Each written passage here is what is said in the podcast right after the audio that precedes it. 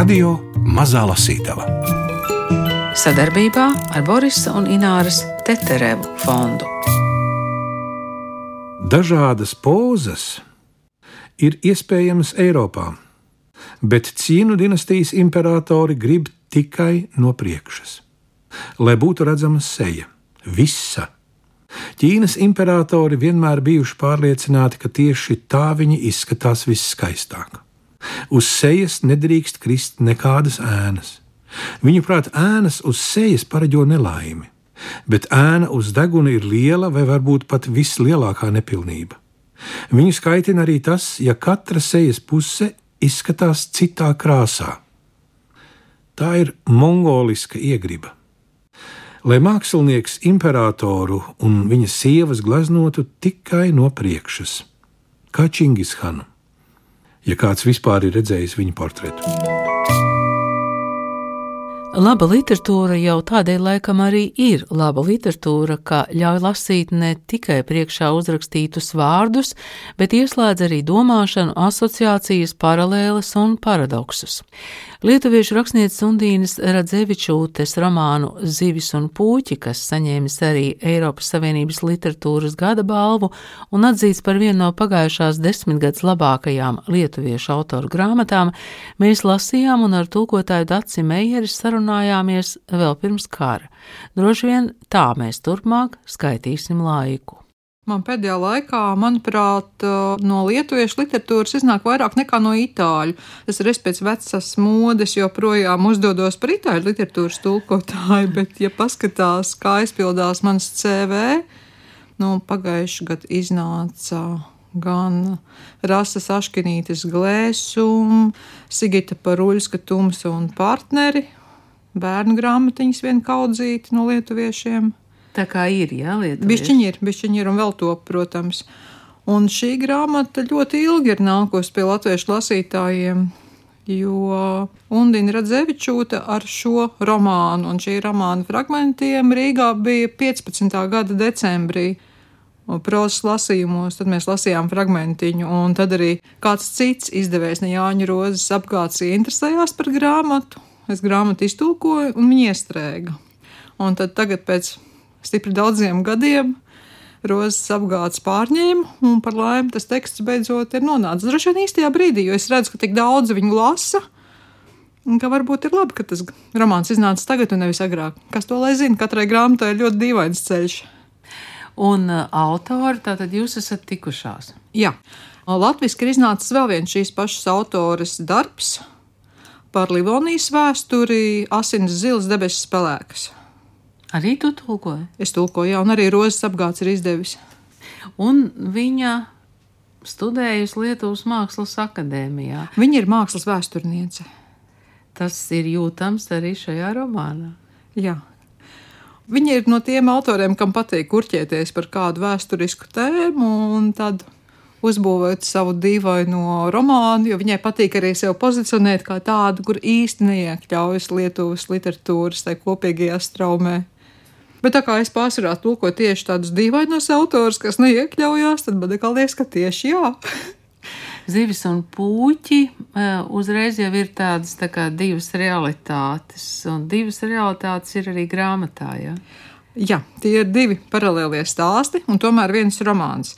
Viens stāsts risinās mūsdienās, kādā mūsdienu Eiropas pilsētā, ir tomēr nojaušams un nolasāms, ka tā ir viļņa, kas nekur netiek nosaukt vārdā. Bet nu, tur nav nekādas lietuviskās dzīves realitātes, bet bišķiņi var nolasīt gan atsaucas uz padomu romānu, gan uz neatkarības atgūšanu un vēl šo to. Liels dzīvoklis vecpilsētā, kurā dzīvo trīs paudžu sievietes no vienas ģimenes - vecā māte ar savām dīvainībām, rakstniece māte un divas meitas. Par Undīnas Radzevičūtes romānu Zivis un Pūķi stāsta tūkotāja no lietuviešu valodas Dāce Meijere. Divās straumēs plūstošo romānu lasa Gundars Āboliņš. Nu, piemēram, no šejienes palasīsim. Ikvienai ģimenei ir sliktas atmiņas, teica mamma Nora. Taču ne visām laimējas piesakties ar tik mierinošu citātu no krustēva. Mājās Eiropa, bet lejā Ķīna. Vecpilsēta pirms 15 gadiem uzņēma sevī Chinatown. Tā it kā visu mūžu būtu to gaidījusi. Lai arī vecpilsēta vairs nav agrākā, tai vairs nav iekšējā senuma, visiem taču vajag ērtības, vannu. Skatoties pa viesistabas logu, var redzēt, kā pastaigāties dodas Ķīnas vēstniecības darbinieks ar sievu. Nesteidzīgi tipinādami mazām pēdiņām un viegli šūpodamies. Viņas melnā mirdzošā vēja, kā ar blāķīgām rozēm, katru dienu ir tā pati, taču tāpēc neieliksmo mazāk.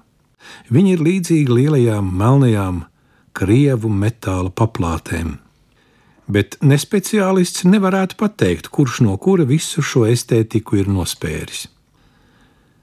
Mājās ir Eiropa, bet lejā veidojas Chinatown. Taču ne pārāk ātri, un arī tas priecē. Vispār Malta nav pati labākā vieta aizbēgšanai. Skatīdamās ārā pa logu teica Šaša. Par daudz cilvēku uz vienu kvadrātmetru un pārāk tuvu civilizācijai. Viņu iela tagad bija kā ķīniešu skatuve. Ķīnas vēstniecības darbinieks ar sievu nozuda, un viņu vietā parādījās ķīniešu skaistule. No tik liela attāluma nevar saredzēt, vai viņa ir ļoti skaista, var redzēt tikai ka ķīniešu. Bet skaistumu var arī nojaust no sievietes izturēšanās. Ja sieviete pa ielu iet tā, it kā visi uz viņu skatītos, mazliet manierīgi un koķeti, tas nozīmē, ka viņa ir pilnīgi pārliecināta, ka ir uz ko skatīties. Un kāpēc tu neaizbēgi uz kādu citu salu? jautāja Mikija. Tobrīd nevienas citas salas nebija, atbildēja mamma Nora. Kur? Kartē? jautāja Mikija. Kartē nebija citu salu?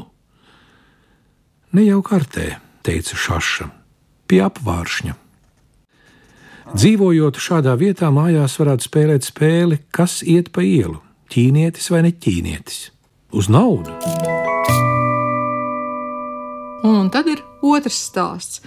Un uzmanīgs lasītājs var pamanīt, ka šo otro stāstu par seno Ķīnu, par 18. gadsimtu, raksta viena no tā mūsdienu stāstu varonēm, šāša viena no meitām.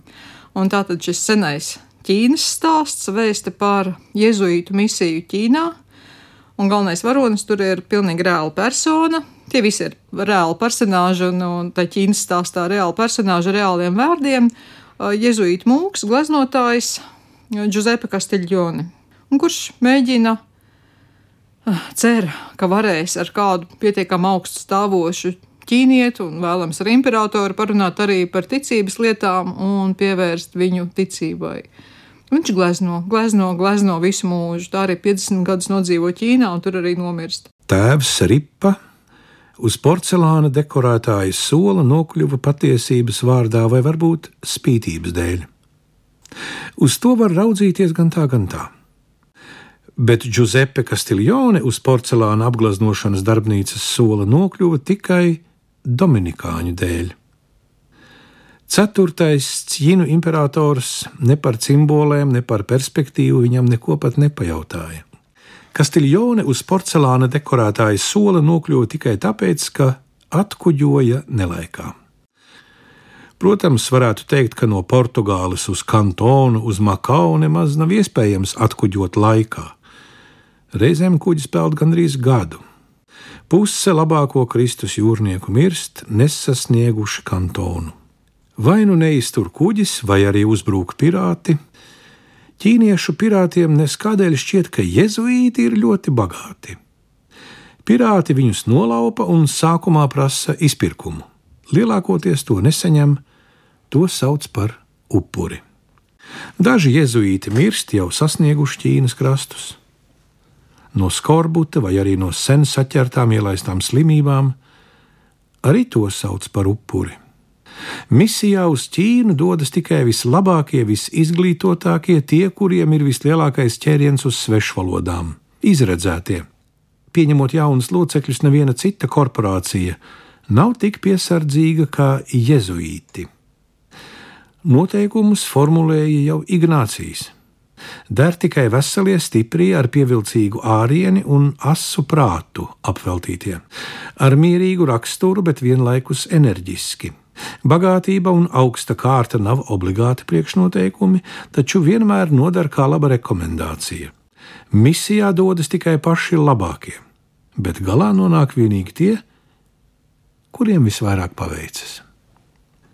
Kastiljone uz Makao laimīgi atkuģoja dzīves, bet nelaikā. Viņš ieradās uzreiz pēc tam, kad vecais 4. Cīnu dinastijas imperators jau bija iepazinies ar pāvesta bullu. Ja nebūtu bijis Dominikāņu sūdzību, nebūtu bijis arī pāvesta bullas, un vecajam ceturtajam imperatoram nebūtu bijis par ko apvainoties. Un tēvam Kastiljonam nebūtu vajadzējis sēsties mālēt persikus uz šķīviem un bļodiņām. Taču, kad Kastiljone atbrauca, bulle jau bija skaļi oficiāli nolasīta. Vecais ceturtais cīnu dinastijas imperators nostājās pret to un pasludināja, ka katoļu ticība Ķīnā ir jāizliedz, un projām uz rietumiem ir jādodas visiem rietumu misionāriem, izņemot tos, kuri ir zinātnes vai tehnikas lietpratēji, vai arī par vecu, lai atgrieztos mājās. 200 gadus ilgušais misijas darbs bija pagalam. Desmit gadus ilgie tēva ripas pūliņi arī. Pa to laiku tēva ripas bārda izauga gara un nosirmoja. Tēvs Ripa apgalvo, ka Ķīnā esot ieradies gludis kūts.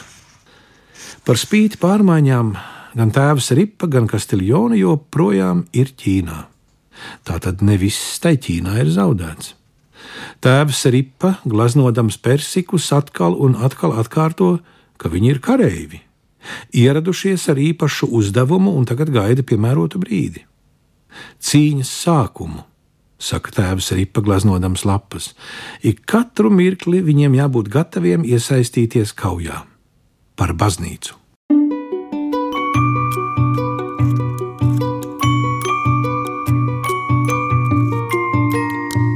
Radio Mazā Lasītava.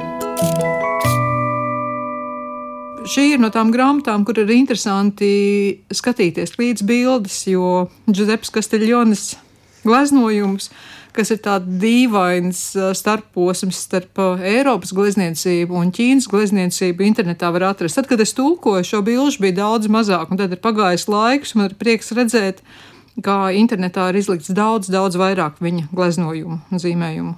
Tur kādā vietā ir pieminēta Chinatown, vai, vai tiešām Viļņā varētu būt Chinatown? Nu, tas ir vairāk ironiski. Tas ir vairāk ironiski. Manuprāt, viņā ir vairāk ķīniešu ēstuvi, pilnīgi noteikti, vai ķīniešu mm -hmm. veikaliņi, bet tas varbūt atkal tāds turistu viedoklis ir. Man tas tā drīzāk ironiski, un mēs taču zinām, ka arī Latvijā diezgan daudz īpašumu ir nopirkuši arī ķīnieši. Jā, ne tikai Rīgā. Nu tad Kā tu ieteiktu lasīt, skatīties līdzi internetā Kasteļjaunas bildes? Nu, varbūt izlasīt vismaz pusi, tad, tad mazliet pagūglēt, tad izlasīt līdz galam, un tad atkal ņemties un lasīt visu kaut ko par vēsturi un skatīties bildītas. Mm -hmm. Austrumi, rietumi, tur ir uh, svarīgas šīs attiecības. Nu, visa grāmata ir uh, uzbūvēta uz šīs pretrunas.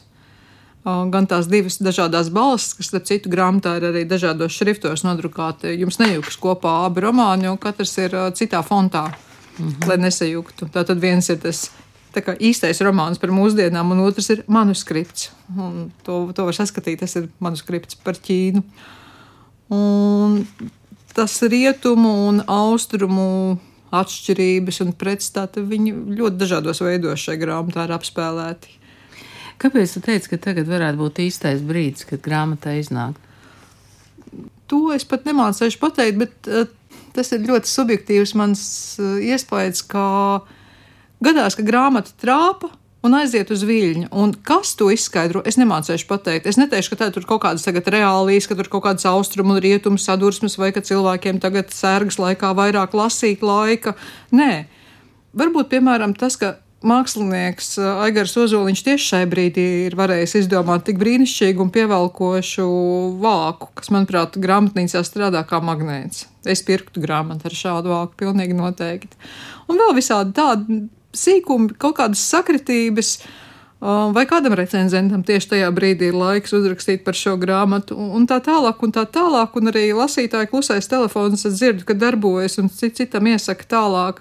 Man ir prieks, ka tas tā notiek, protams, jo es negribu tulkot atvilknē, un šī grāmata ir no tām, kura patiesi ir ilgi gulējusi atvilknē vai oriģinālai um, lietuviešu versijai bija cits vārks? Cits vārks, jā, cits vārks, bet tajās arī ir ķīniski motīvi. Lietuviski ir divi izdevumi, un abiem ir spilgti ķīniski motīvi virsū, atšķirīgi no šī. Autore Undīne Radzevičūte turpina rakstīt, tev ir kādas ziņas? Um, man ir neskaidri plāni par tālāku darbu tulkošanu, tādi vēl konkrēti vārdos nenosaucam, bet es domāju, ka šo autoru turpinās rakstīt, jo ir ļoti interesanti tulkot viņas dialogus. Sevišķi tas raksturīgs šajā romānā būtu mūsdienu daļai. Ģimenē uz mammas Noras darbošanos ik viens raugās mazliet atšķirīgi. Omei Amigo Rēnai nav svarīgi, ar ko nodarbojas viņas meita. Varbūt viņa tā arī nekad nav noskaidrojusi, ar ko īsti meita nodarbojas. Viņai ir svarīgāk un patīk, ka par mammu Noru raksta glumie žurnāli. Tā Ome Amigorēna sauc glancētos žurnālus par glumajiem. Iespējams, tas ir pats precīzākais to apzīmējums. Mikija patīk stāstīt par mammu Noru jauniem draugiem. Kopš mamma Nora pārstāja rakstīt bērniem un kļuva par kontroversiālu erotisko detektīvu rakstnieci, Mikija grib būt pazīstama kā mammas Noras meita. Jaunajiem draugiem viņa stāsta, cik ļoti līdzinās mammai, un ka pieaugusi droši vien būs tikpat slavena un ies viņas pēdās. Šašā, atšķirībā no Mikija, nevienam nestāsta, ka viņai ir tāda mamma. Tu te esi domīga vai norūpējusies? jautāja Mikija, aizvirzīdama sarunu pie tenku žurnāla. Pie miniatūras mammas Noras fotografijas 61. lapas puses apakšējā stūrī. Nē, te es drīzāk kaut ko košļāju, teica mamma Nora, apskatījusi fotografiju. Vai tad tagad fotogrāfi pasākuši līst mutē? jautāja Mikija. Kur tad tu gribētu, lai viņi lien? noprasīja šašā. Tu te neizskaties pēc rakstnieces, teica Mikija.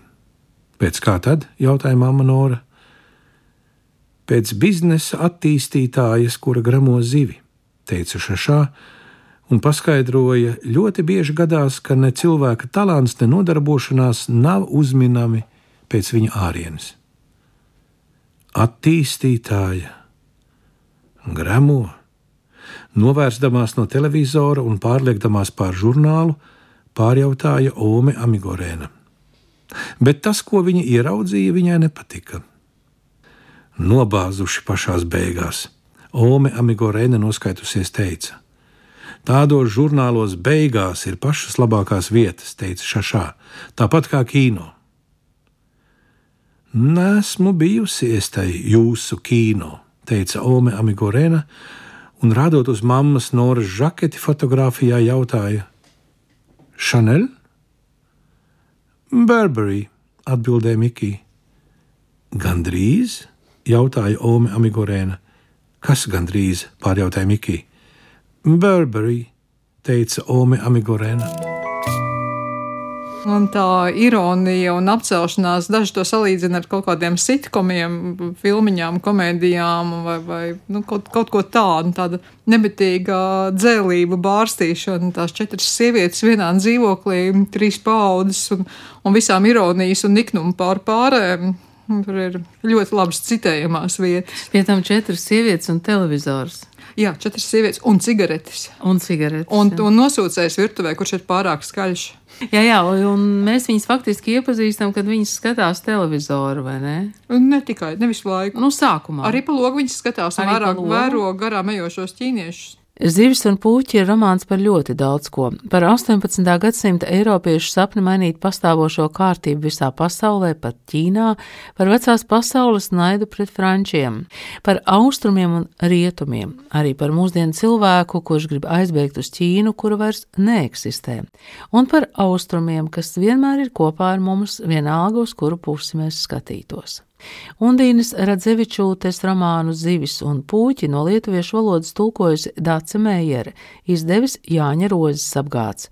Gundars Āboliņš lasa vēl vienu fragmentu par vadoņiem un portretiem. Dažādas pozas ir iespējamas Eiropā, bet cīnu dinastijas imperatori grib tikai no priekšas, lai būtu redzama seja, visa Ķīnas imperatori vienmēr bijuši pārliecināti, ka tieši tā viņi izskatās visskaistāk. Uz sejas nedrīkst krist nekādas ēnas. Viņuprāt, ēnas uz sejas pareģo nelaimi, bet ēna uz deguna ir liela vai varbūt pat vislielākā nepilnība. Viņu skaitina arī tas, ja katra sejas puse izskatās citā krāsā. Tā ir mongoliska iegriba lai mākslinieks imperatoru un viņa sievas gleznotu tikai no priekšas, kā Čingishanu, ja kāds vispār ir redzējis viņa portretu. Īstie haņu ķīniešu imperatori par tādiem niekiem neuztraucās. Ja mākslinieks tā vēlējās, viņa portretā varēja sēdēt gan sāniski, gan skatīties iesāņus, pagriezušies par trim ceturdaļām, Haņu ķīniešu valdīšanas laikā bija gana daudz citu par portretiem svarīgāku lietu. Taču par vienu visi imperatori, gan īstie, gan neīstie ķīnieši bija viensprātis. Viņi visi bija un joprojām ir pārliecināti, ka portrets jāglezno pēc atmiņas, nevis stāvot imperatora priekšā. Kļuvis par jauno Ķīnas valdnieku, jaunais sastais Cīnu dinastijas imperators uzreiz nodibināja Imperatorisko glezniecības akadēmiju. Tēvs Kastiljone 20 gadus aizvadījis dzīvnieku gleznotāja statusā, ne tikai uzreiz pakāpās līdz galvenā pilsētas portretista rangam, bet dīvainu apstākļu sakritības dēļ gandrīz tūlīt pēc tam kļuva par pilsētas galveno arhitektu. Uzreiz zaudējams pilsētas galvenā portretista posteni. Imperatora ģimenes locekļu portretus tagad glaznotas francūzis Atirē. Priekš kam imperatora pilī būtu vajadzīgi franču glaznotāji, ja te jau ir papilnam portugāļu? Domā tēvs Kastiljone. Varbūt Luīs 14. ir iedomājies, ka atgādājis uz kantonu simt franču, varēs ko mainīt Ķīnā un aizliegtajā pilsētā? Izstumt no šejienes visus portugāļus. Taču misijas vārdā Kastiljone kaut kā izturēs. Arī tos jaunos frančus. Tiesa lielākā daļa atbraukušo franču ir matemātiķi. Ne pašiem ķīniešiem, ne portugāļiem matemātiķu nav, tāpēc franču matemātiķi te ir ļoti pieprasīti. Toties astronomi ir tikai portugāļi. Tas, kas atrodas debesīs, taču ir daudz svarīgāks par niecīgiem aprēķiniem uz zemes.